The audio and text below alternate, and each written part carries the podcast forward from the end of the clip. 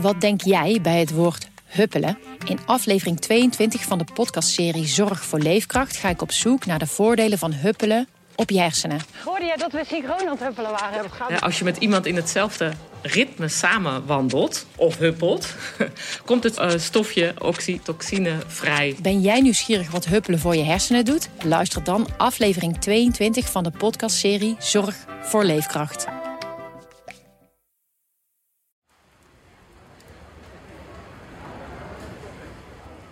Op een regenachtige woensdagochtend landen Daan en ik weer op Schiphol, na twee weken Chili.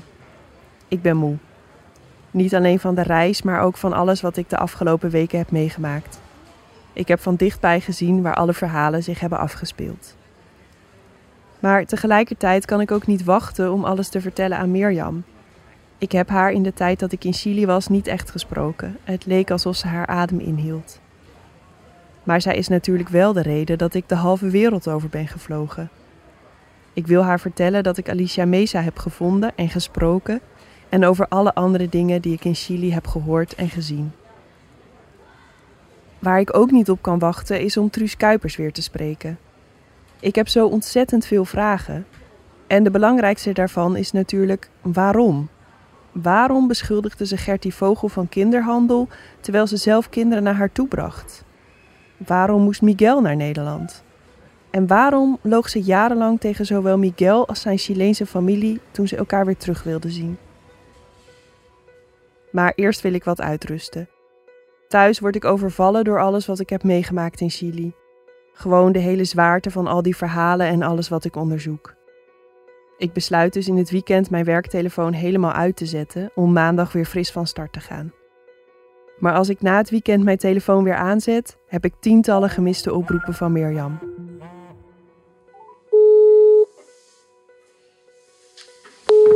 Hey, met Mirjam. Hey, met Petra. Hi. Hallo. Eindelijk. nee, ja, ik begrijp dat je je telefoon uh, uit hebt staan, want je bent natuurlijk net terug uit Chili. Mm -hmm. um, heb jou geprobeerd te bellen, um, want ik ben vrijdagavond rond een uur of half zes, toen ik stond te koken, uh, werd ik uh, getipt door iemand mm -hmm. met uh, de mededeling van ga maar even rustig zitten. Maar wat ik te horen heb gekregen is dat, is dat Truus Kuipers is overleden.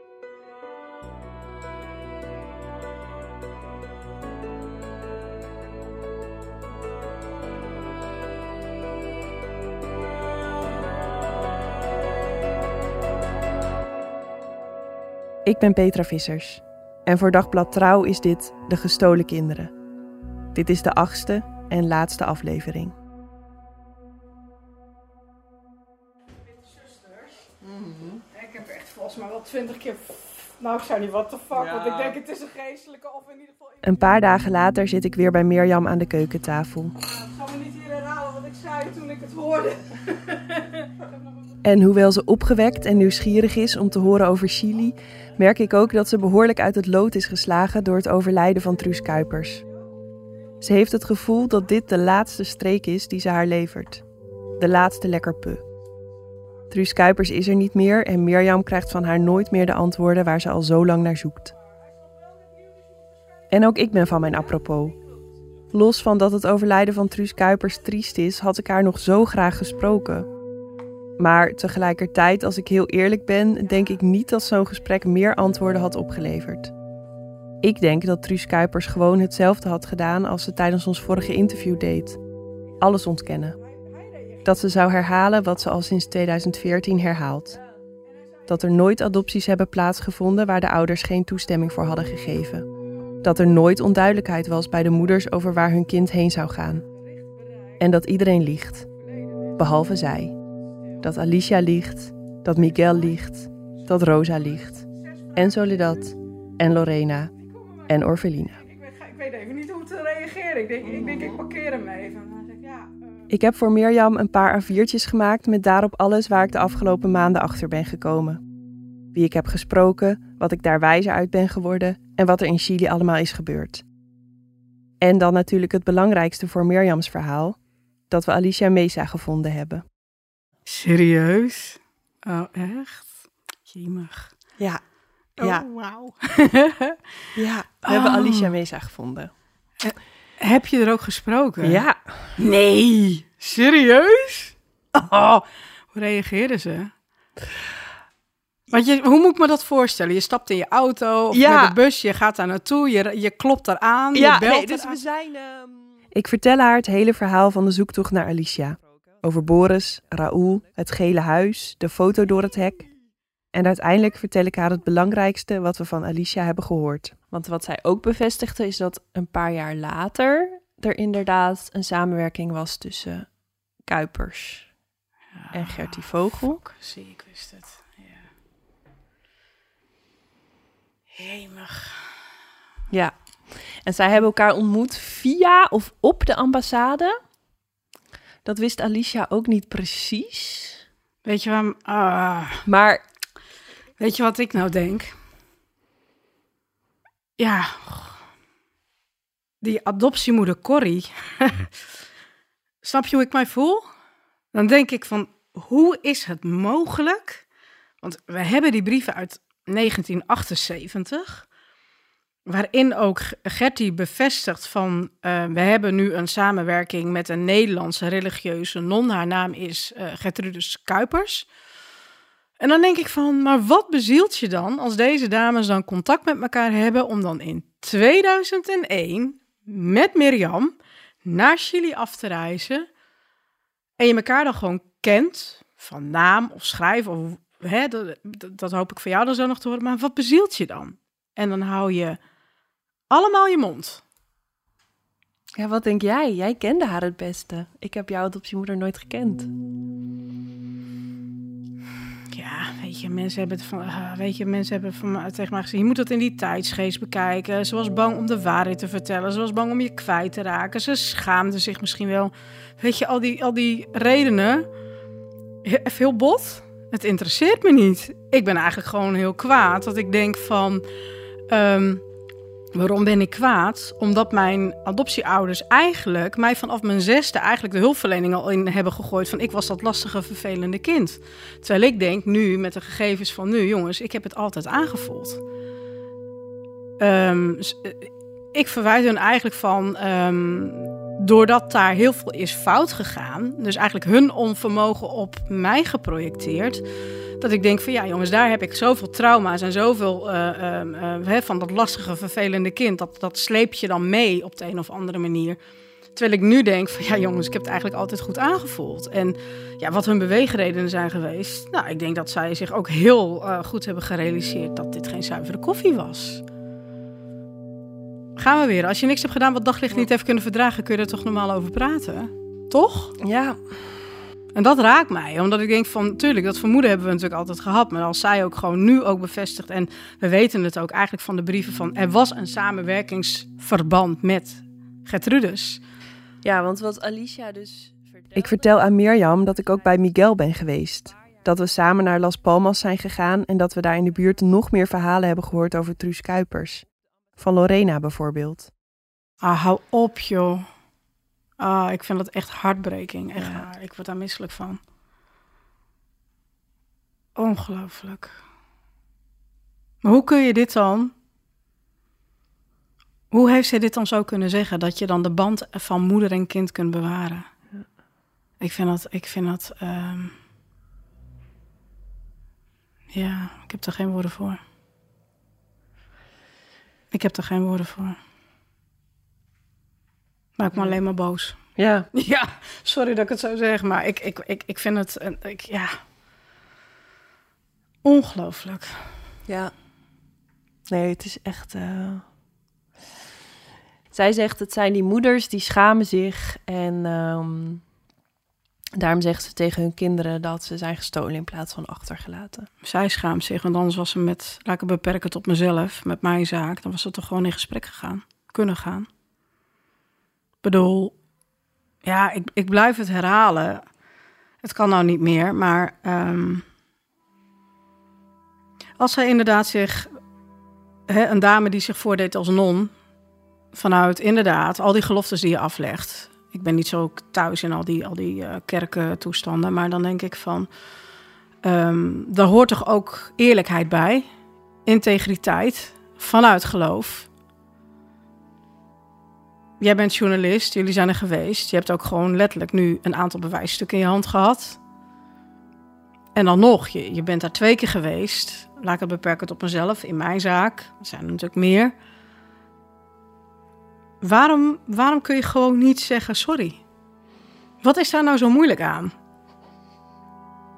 Weet je, dan hadden al deze, dit hele onderzoek of al die frustratie en wat mensen nu je dus verwijten, een klop, klopjacht op, hè, dit had allemaal voorkomen kunnen worden als zij gewoon, zoals zij zegt, ik ben altijd open en eerlijk geweest. Nee, ze, ze is nooit op de inhoud ingegaan.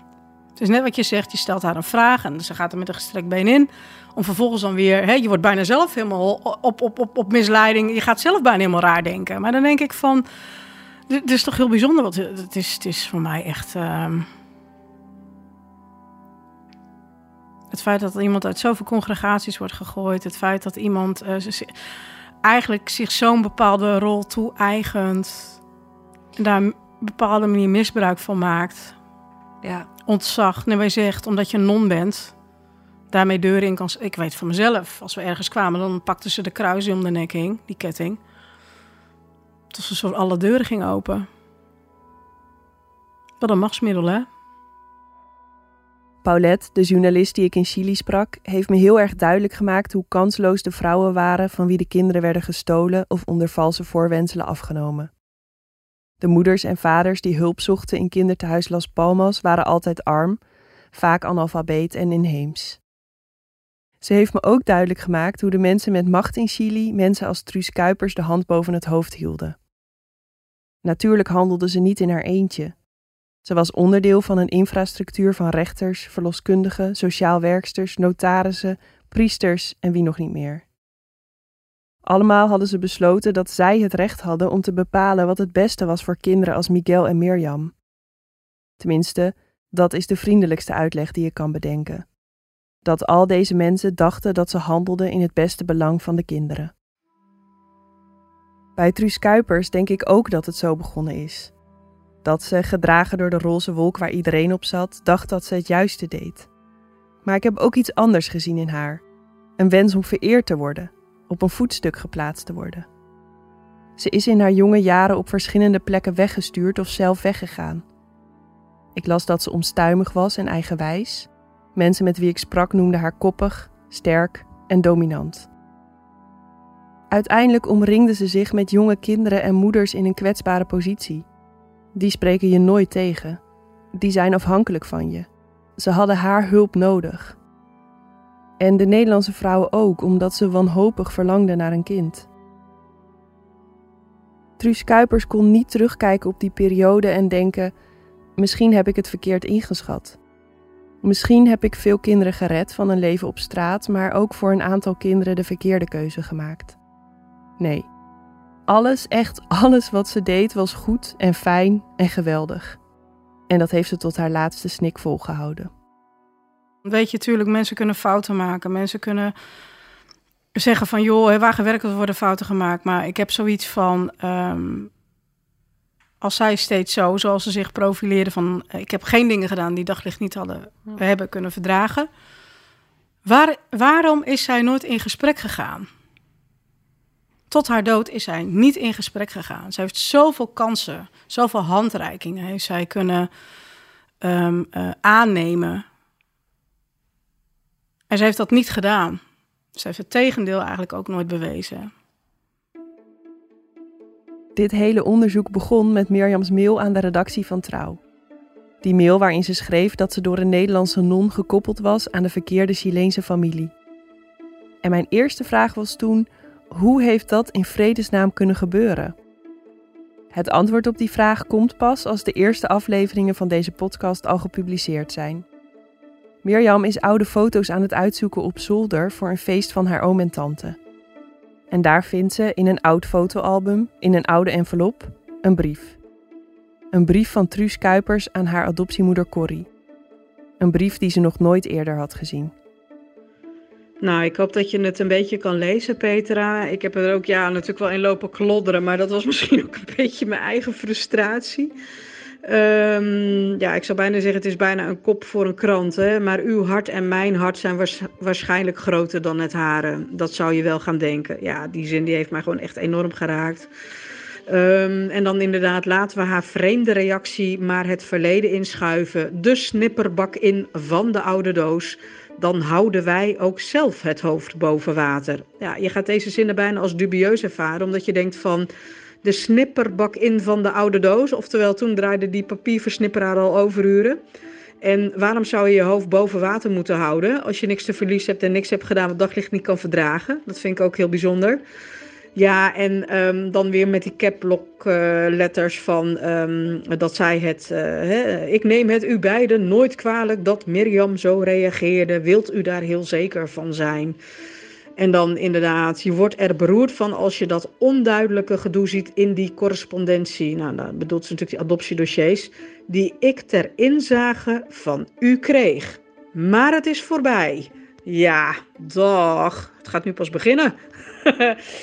maar goed, um, ja, voor mij mag je ze publiceren. Uh, zo simpel is het. Of uh, weet ik het wat je ermee gaat doen. Maar um, ja, ik, ik, eh, dat uh, heeft mij wel geraakt. Maar het is wel de, de slotsomfinale van uh, de antwoorden waar ik naar zocht. En, is... Deze brief is het bewijs dat Truus Kuipers meer wist van Mirjams adoptie dan ze altijd tegen mij en Mirjam heeft gezegd. Er staat in dat ze tijdens de zoektocht naar Mirjams Chileense familie langs is geweest bij Maria Teresa, de Chileense sociaal werkster, om aan haar te vragen wie de moeder van Mirjam is. Ook blijkt eruit dat ze toen al wist dat Gertie Vogel, haar oude vriendin, betrokken was bij de adoptie van Mirjam. Maar van dit alles vertelde ze Mirjam niets toen ze in 2001 met haar door Chili reisde. En ook tegen mij zei ze er niets over. Sterker nog, tijdens ons interview zei ze dat ze pas twintig jaar later, via de advocaat van Mirjam, voor het eerst hoorde dat Gertie Vogel betrokken was bij Mirjams adoptie. Maar u kende dus tante Gertie en die sociaal werkster die sociaal werkster kende ik niet. Dat is ver buiten mijn gezichtsveld. maar tante Gertie, dat toen kende u die naam nog niet? Nee, nee, die kende ik nu pas via de advocaat. En dat is niet eens zo heel lang geleden. De leugen die Mirjams leven twintig jaar lang beheerste, begon dus bij Maria Teresa, de Chileense sociaal werkster. Zij gaf Truus Kuipers de naam van een vrouw die heel handig op dat moment al overleden was. De naam van een vrouw die daadwerkelijk een dochter had afgestaan, alleen die dochter was niet Mirjam. Waarom ze dat deed en of Truus Kuipers wist dat dit de verkeerde vrouw was, zullen we nooit weten. De sociaal werkster overleed in 2016. Maar zoals ik in een van de eerdere afleveringen al zei, de manier waarop Mirjam naar Nederland is gekomen klopt van geen kant. Wie er iets mee te maken heeft gehad, heeft er dus baat bij daarover te liegen. Het is toch bizar, hè? Ja. Maar dan denk ik van, iedereen kan nu zijn kleur kiezen, leven, hoe je wil zijn. Er zitten, ik weet niet hoeveel, en laten we het even maar beperken tot de Chileense eh, groep mensen. Ja. 20.000 gestolen kinderen. Zet deze 20.000 eens uit op een voetbalveld door middel van een hartje. Ik denk dat we ons te pletten schrikken. En waarom sluiten mensen dan hun ogen? Mm. Ik vind het ongelooflijk. Het is zo bijzonder dat als mensen zich daar natuurlijk zich niks bij vinden. Voor heel veel mensen is het natuurlijk normaal ehm, dat je je vader, je moeder, je broer, je zus, wanneer je je verjaardag viert, wanneer je jarig bent op een geboortedatum, je naam kent. En voor de mensen die dat niet hebben, wordt dus eigenlijk letterlijk gezegd, ja, hè, wat, wat Gertrude dus ook letterlijk zei. Het interesseert me niet. Het interesseert me niet. Laten we die woorden eens goed tot ons door laten dringen. Het interesseert me dus eigenlijk niet dat jij bestaat. Het interesseert me eigenlijk niet dat je pijn hebt. Ik hoop nog steeds dat mensen die, nou ja, hè, jullie podcast of krant horen of lezen, die eigenlijk ook diep in hun hart ook weten, ook van hogere hand, denken: oh ja, jongens, ik verslik me bijna in die hap Brinta of mijn boterham. Laat ik nu, voordat ik zelf ook ga hemelen of wat dan ook, Laten we gewoon inderdaad met een kopje koffie aan de tafel op een transparante manier gewoon rustig met elkaar erover praten. Die uitnodiging is er van, van mijn kant altijd geweest. Ja. En die staat nog steeds open. Ik hoop nog steeds dat mensen gewoon in gesprek willen gaan. Met degene die dat graag zouden willen. Ja. Maar hoop is een verraderlijk iets. En nog steeds is het boek voor Mirjam niet dichtgeklapt. Nog altijd heeft ze geen antwoorden op al die vragen die zoveel mensen die geadopteerd zijn hebben. Wie ben ik? Op wie lijk ik? Waarom heeft de vrouw die het allermeest van me hoort te houden op de hele wereld me weggegeven? Of ben ik gestolen? Mirjam, Alejandro, Miguel, het zijn allemaal mensen met een gat in hun hart. En dat geldt eigenlijk voor alle geadopteerden die ik heb gesproken. De een natuurlijk wat meer dan de ander, maar allemaal hebben ze, zoals Mirjam het zelf verwoordde, krassen op hun ziel. Het overlijden van Truus Kuiper slaat in als een bom. In de weken die volgen na mijn bezoek aan Mirjam loopt het helemaal mis tussen haar en Alejandro. Er ontstaat ruzie tussen hem en de rest van de groep uit Chili geadopteerden. Met Mirjam knettert het onder andere over deze podcast. Mirjam vertelt me dat Alejandro nu ook tegen haar heeft gezegd dat hij met journalisten wil praten over adopties uit Chili. Ze spreken elkaar op dit moment helemaal niet meer. En ook met Miguel gaat het niet zo goed. Hij woont inmiddels niet meer bij zijn zus Soledad en Juan in Santiago. Hij is met zijn zwangere vriendin naar Valdivia verhuisd in het zuiden van Chili. Maar daar krijgt hij het aan de stok met de artsen die zijn vriendin in de zwangerschap begeleiden. Hij vertrok naar Nederland om geld te verdienen voor zijn vriendin en het kindje dat ze gaan krijgen en is nu net weer terug in Chili. Het onderzoek door de Chileense onderzoeksrechters naar de gestolen kinderen loopt officieel nog, maar lijkt te zijn vastgelopen. Truus Kuipers is dan wel gehoord en de politie stond op de stoep bij Alicia Mesa, maar er is uiteindelijk nog niemand gearresteerd. Er is nog niemand voor de rechter gebracht en de mensen die erbij waren worden ouder en zijn in sommige gevallen al overleden. In Nederland is adoptie van kinderen uit het buitenland sinds 2022 weer mogelijk. Volgens verantwoordelijk minister Frank Weerwind is de kans op corruptie en machtsmisbruik in het nieuwe stelsel kleiner dan voorheen. Mirjams zoektocht naar haar Chileense familie is dus nog steeds niet klaar. En ze blijft zoeken naar manieren om iemand, wie dan ook, aansprakelijk te stellen voor de pijn waarmee ze rondloopt. De familie van Truus Kuipers bijvoorbeeld, of de Nederlandse staat, of de KLM, of de Nederlandse ambassade in Chili. En wat betreft de zoektocht naar haar biologische familie, de enige kans om die ooit nog te vinden is als een familielid ooit ergens op de wereld DNA instuurt naar MyHeritage, de website waar haar DNA nog steeds ligt. Petra, kun jij ook nog inloggen in MyHeritage van mij? Volgens mij hè. Ik zou bijna zeggen, doe dat nog even, want... En dat is precies wat er gebeurt. Vlak voor de publicatie van de eerste afleveringen van deze podcast krijgt Mirjam een bericht dat ze een nieuwe match heeft op de DNA-site. Een achterneef van een van haar ouders duikt op omdat zijn zoon bezig is met het uitzoeken van de familiestamboom. Die achterneef heet Freddy. Mirjam neemt contact met hem op. Hij vraagt aan zijn moeder of zij ook DNA wil afstaan. En inderdaad, zij blijkt een achternicht van Mirjam. En dat betekent weer dat haar vader of moeder een broer of zus is van een van Mirjams grootouders. Maar het probleem is, de moeder van Freddy is 88 en dement. Hij belooft zijn best te doen om Mirjam te helpen, maar hij waarschuwt ook dat zijn moeder haar eigen vader nooit heeft gekend. Dat hele deel van de familiestamboom mist dus. Ik hoop natuurlijk voor Mirjam dat dit contact iets oplevert. Dat iemand in de familie iets weet. Iets weet van een nichtje dat misschien ongehuwd zwanger raakte en plotseling een paar maanden van de radar verdween. Of van een kindje dat is afgestaan of dood werd geboren. Maar het laatste dat Mirjam en ik horen is dat we geduld moeten hebben. Freddy is erg druk. Maandenlang heb ik me afgevraagd wie de schurk was in dit verhaal en wie de held. En het antwoord daarop heb ik gevonden. Ik vind Mirjam een held, om de keuzes die ze heeft gemaakt, om haar wil om te gaan zoeken naar de waarheid, hoe pijnlijk die waarheid ook is. Ik heb met haar meegezocht en ik heb haar veel kunnen vertellen wat ze nog niet wist. Over de eerste maanden van haar leven, over de manier waarop ze in Lunteren terechtkwam, over wat er mis is gegaan in de zoektocht naar de vrouw die haar het licht heeft gegeven, en over de schurk in dit verhaal. Er waren momenten dat het verdriet me overviel. Maar ik heb het al gezegd, uiteindelijk ben ik ook maar een passant. En ik heb me vaak afgevraagd of ik genoeg heb gedaan. Of ik Mirjam niet toch nog meer had kunnen geven. Maar de waarheid is dat ik niet weet wat ik nog had moeten onderzoeken. Ik heb de hele wereld over gereisd, zoveel mensen gebeld, zoveel documenten gelezen, zoveel archieven gezien en zoveel vragen gesteld. zoveel doodlopende paden bewandeld waar jij, lieve luisteraar, in de uren dat we elkaar nu kennen niet eens van hebt gehoord. Dus ik hoop dat deze podcast een klein monument is. En een waarschuwing misschien. Een monument voor Mirjam en voor al die andere helden in dit verhaal. Voor de kinderen voor wie werd besloten dat ze ergens anders in een ander land beter af zouden zijn. Voor de baby's van wie hun leven begon met een leugen. Voor de volwassenen die rondlopen met een gat in hun hart. Die hun hele leven zoekende zijn en nooit iets vinden. Een monument voor Rosa, voor Lorena, voor Orfelina. Een monument voor al die moeders voor wie door anderen besloten werd dat hun kind ergens anders beter af zou zijn. Voor de moeders aan wie verteld werd dat ze niet goed genoeg waren. Voor de moeders die te horen kregen dat hun kind was overleden.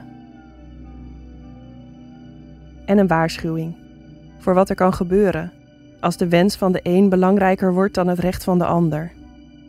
Voor wat er kan gebeuren als we vrouwen het recht ontnemen beslissingen te maken over hun eigen leven. Voor wat er kan gebeuren als we geen vragen stellen. Als we niet willen zoeken naar de waarheid, hoe pijnlijk die ook is.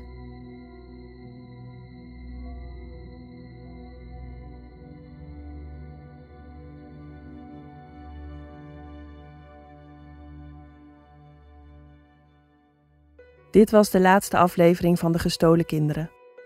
Mijn naam is Petra Vissers en ik maakte deze podcast samen met Daan Hofstee. Het sounddesign en de mixage werd gedaan door Thomas Hoonhout. Eindredactie door Wendelmoed Boersema en het artwork is van Gemma Pauwels. Een speciale dank aan Boris van der Spek voor zijn hulp in Chili en aan al mijn collega's bij Trouw die meeluisterden. En aan Mirjam natuurlijk. Vond je deze podcast goed en hecht je waarde aan goede journalistiek? Neem dan een abonnement op Trouw. Dat kan via abonnement.trouw.nl.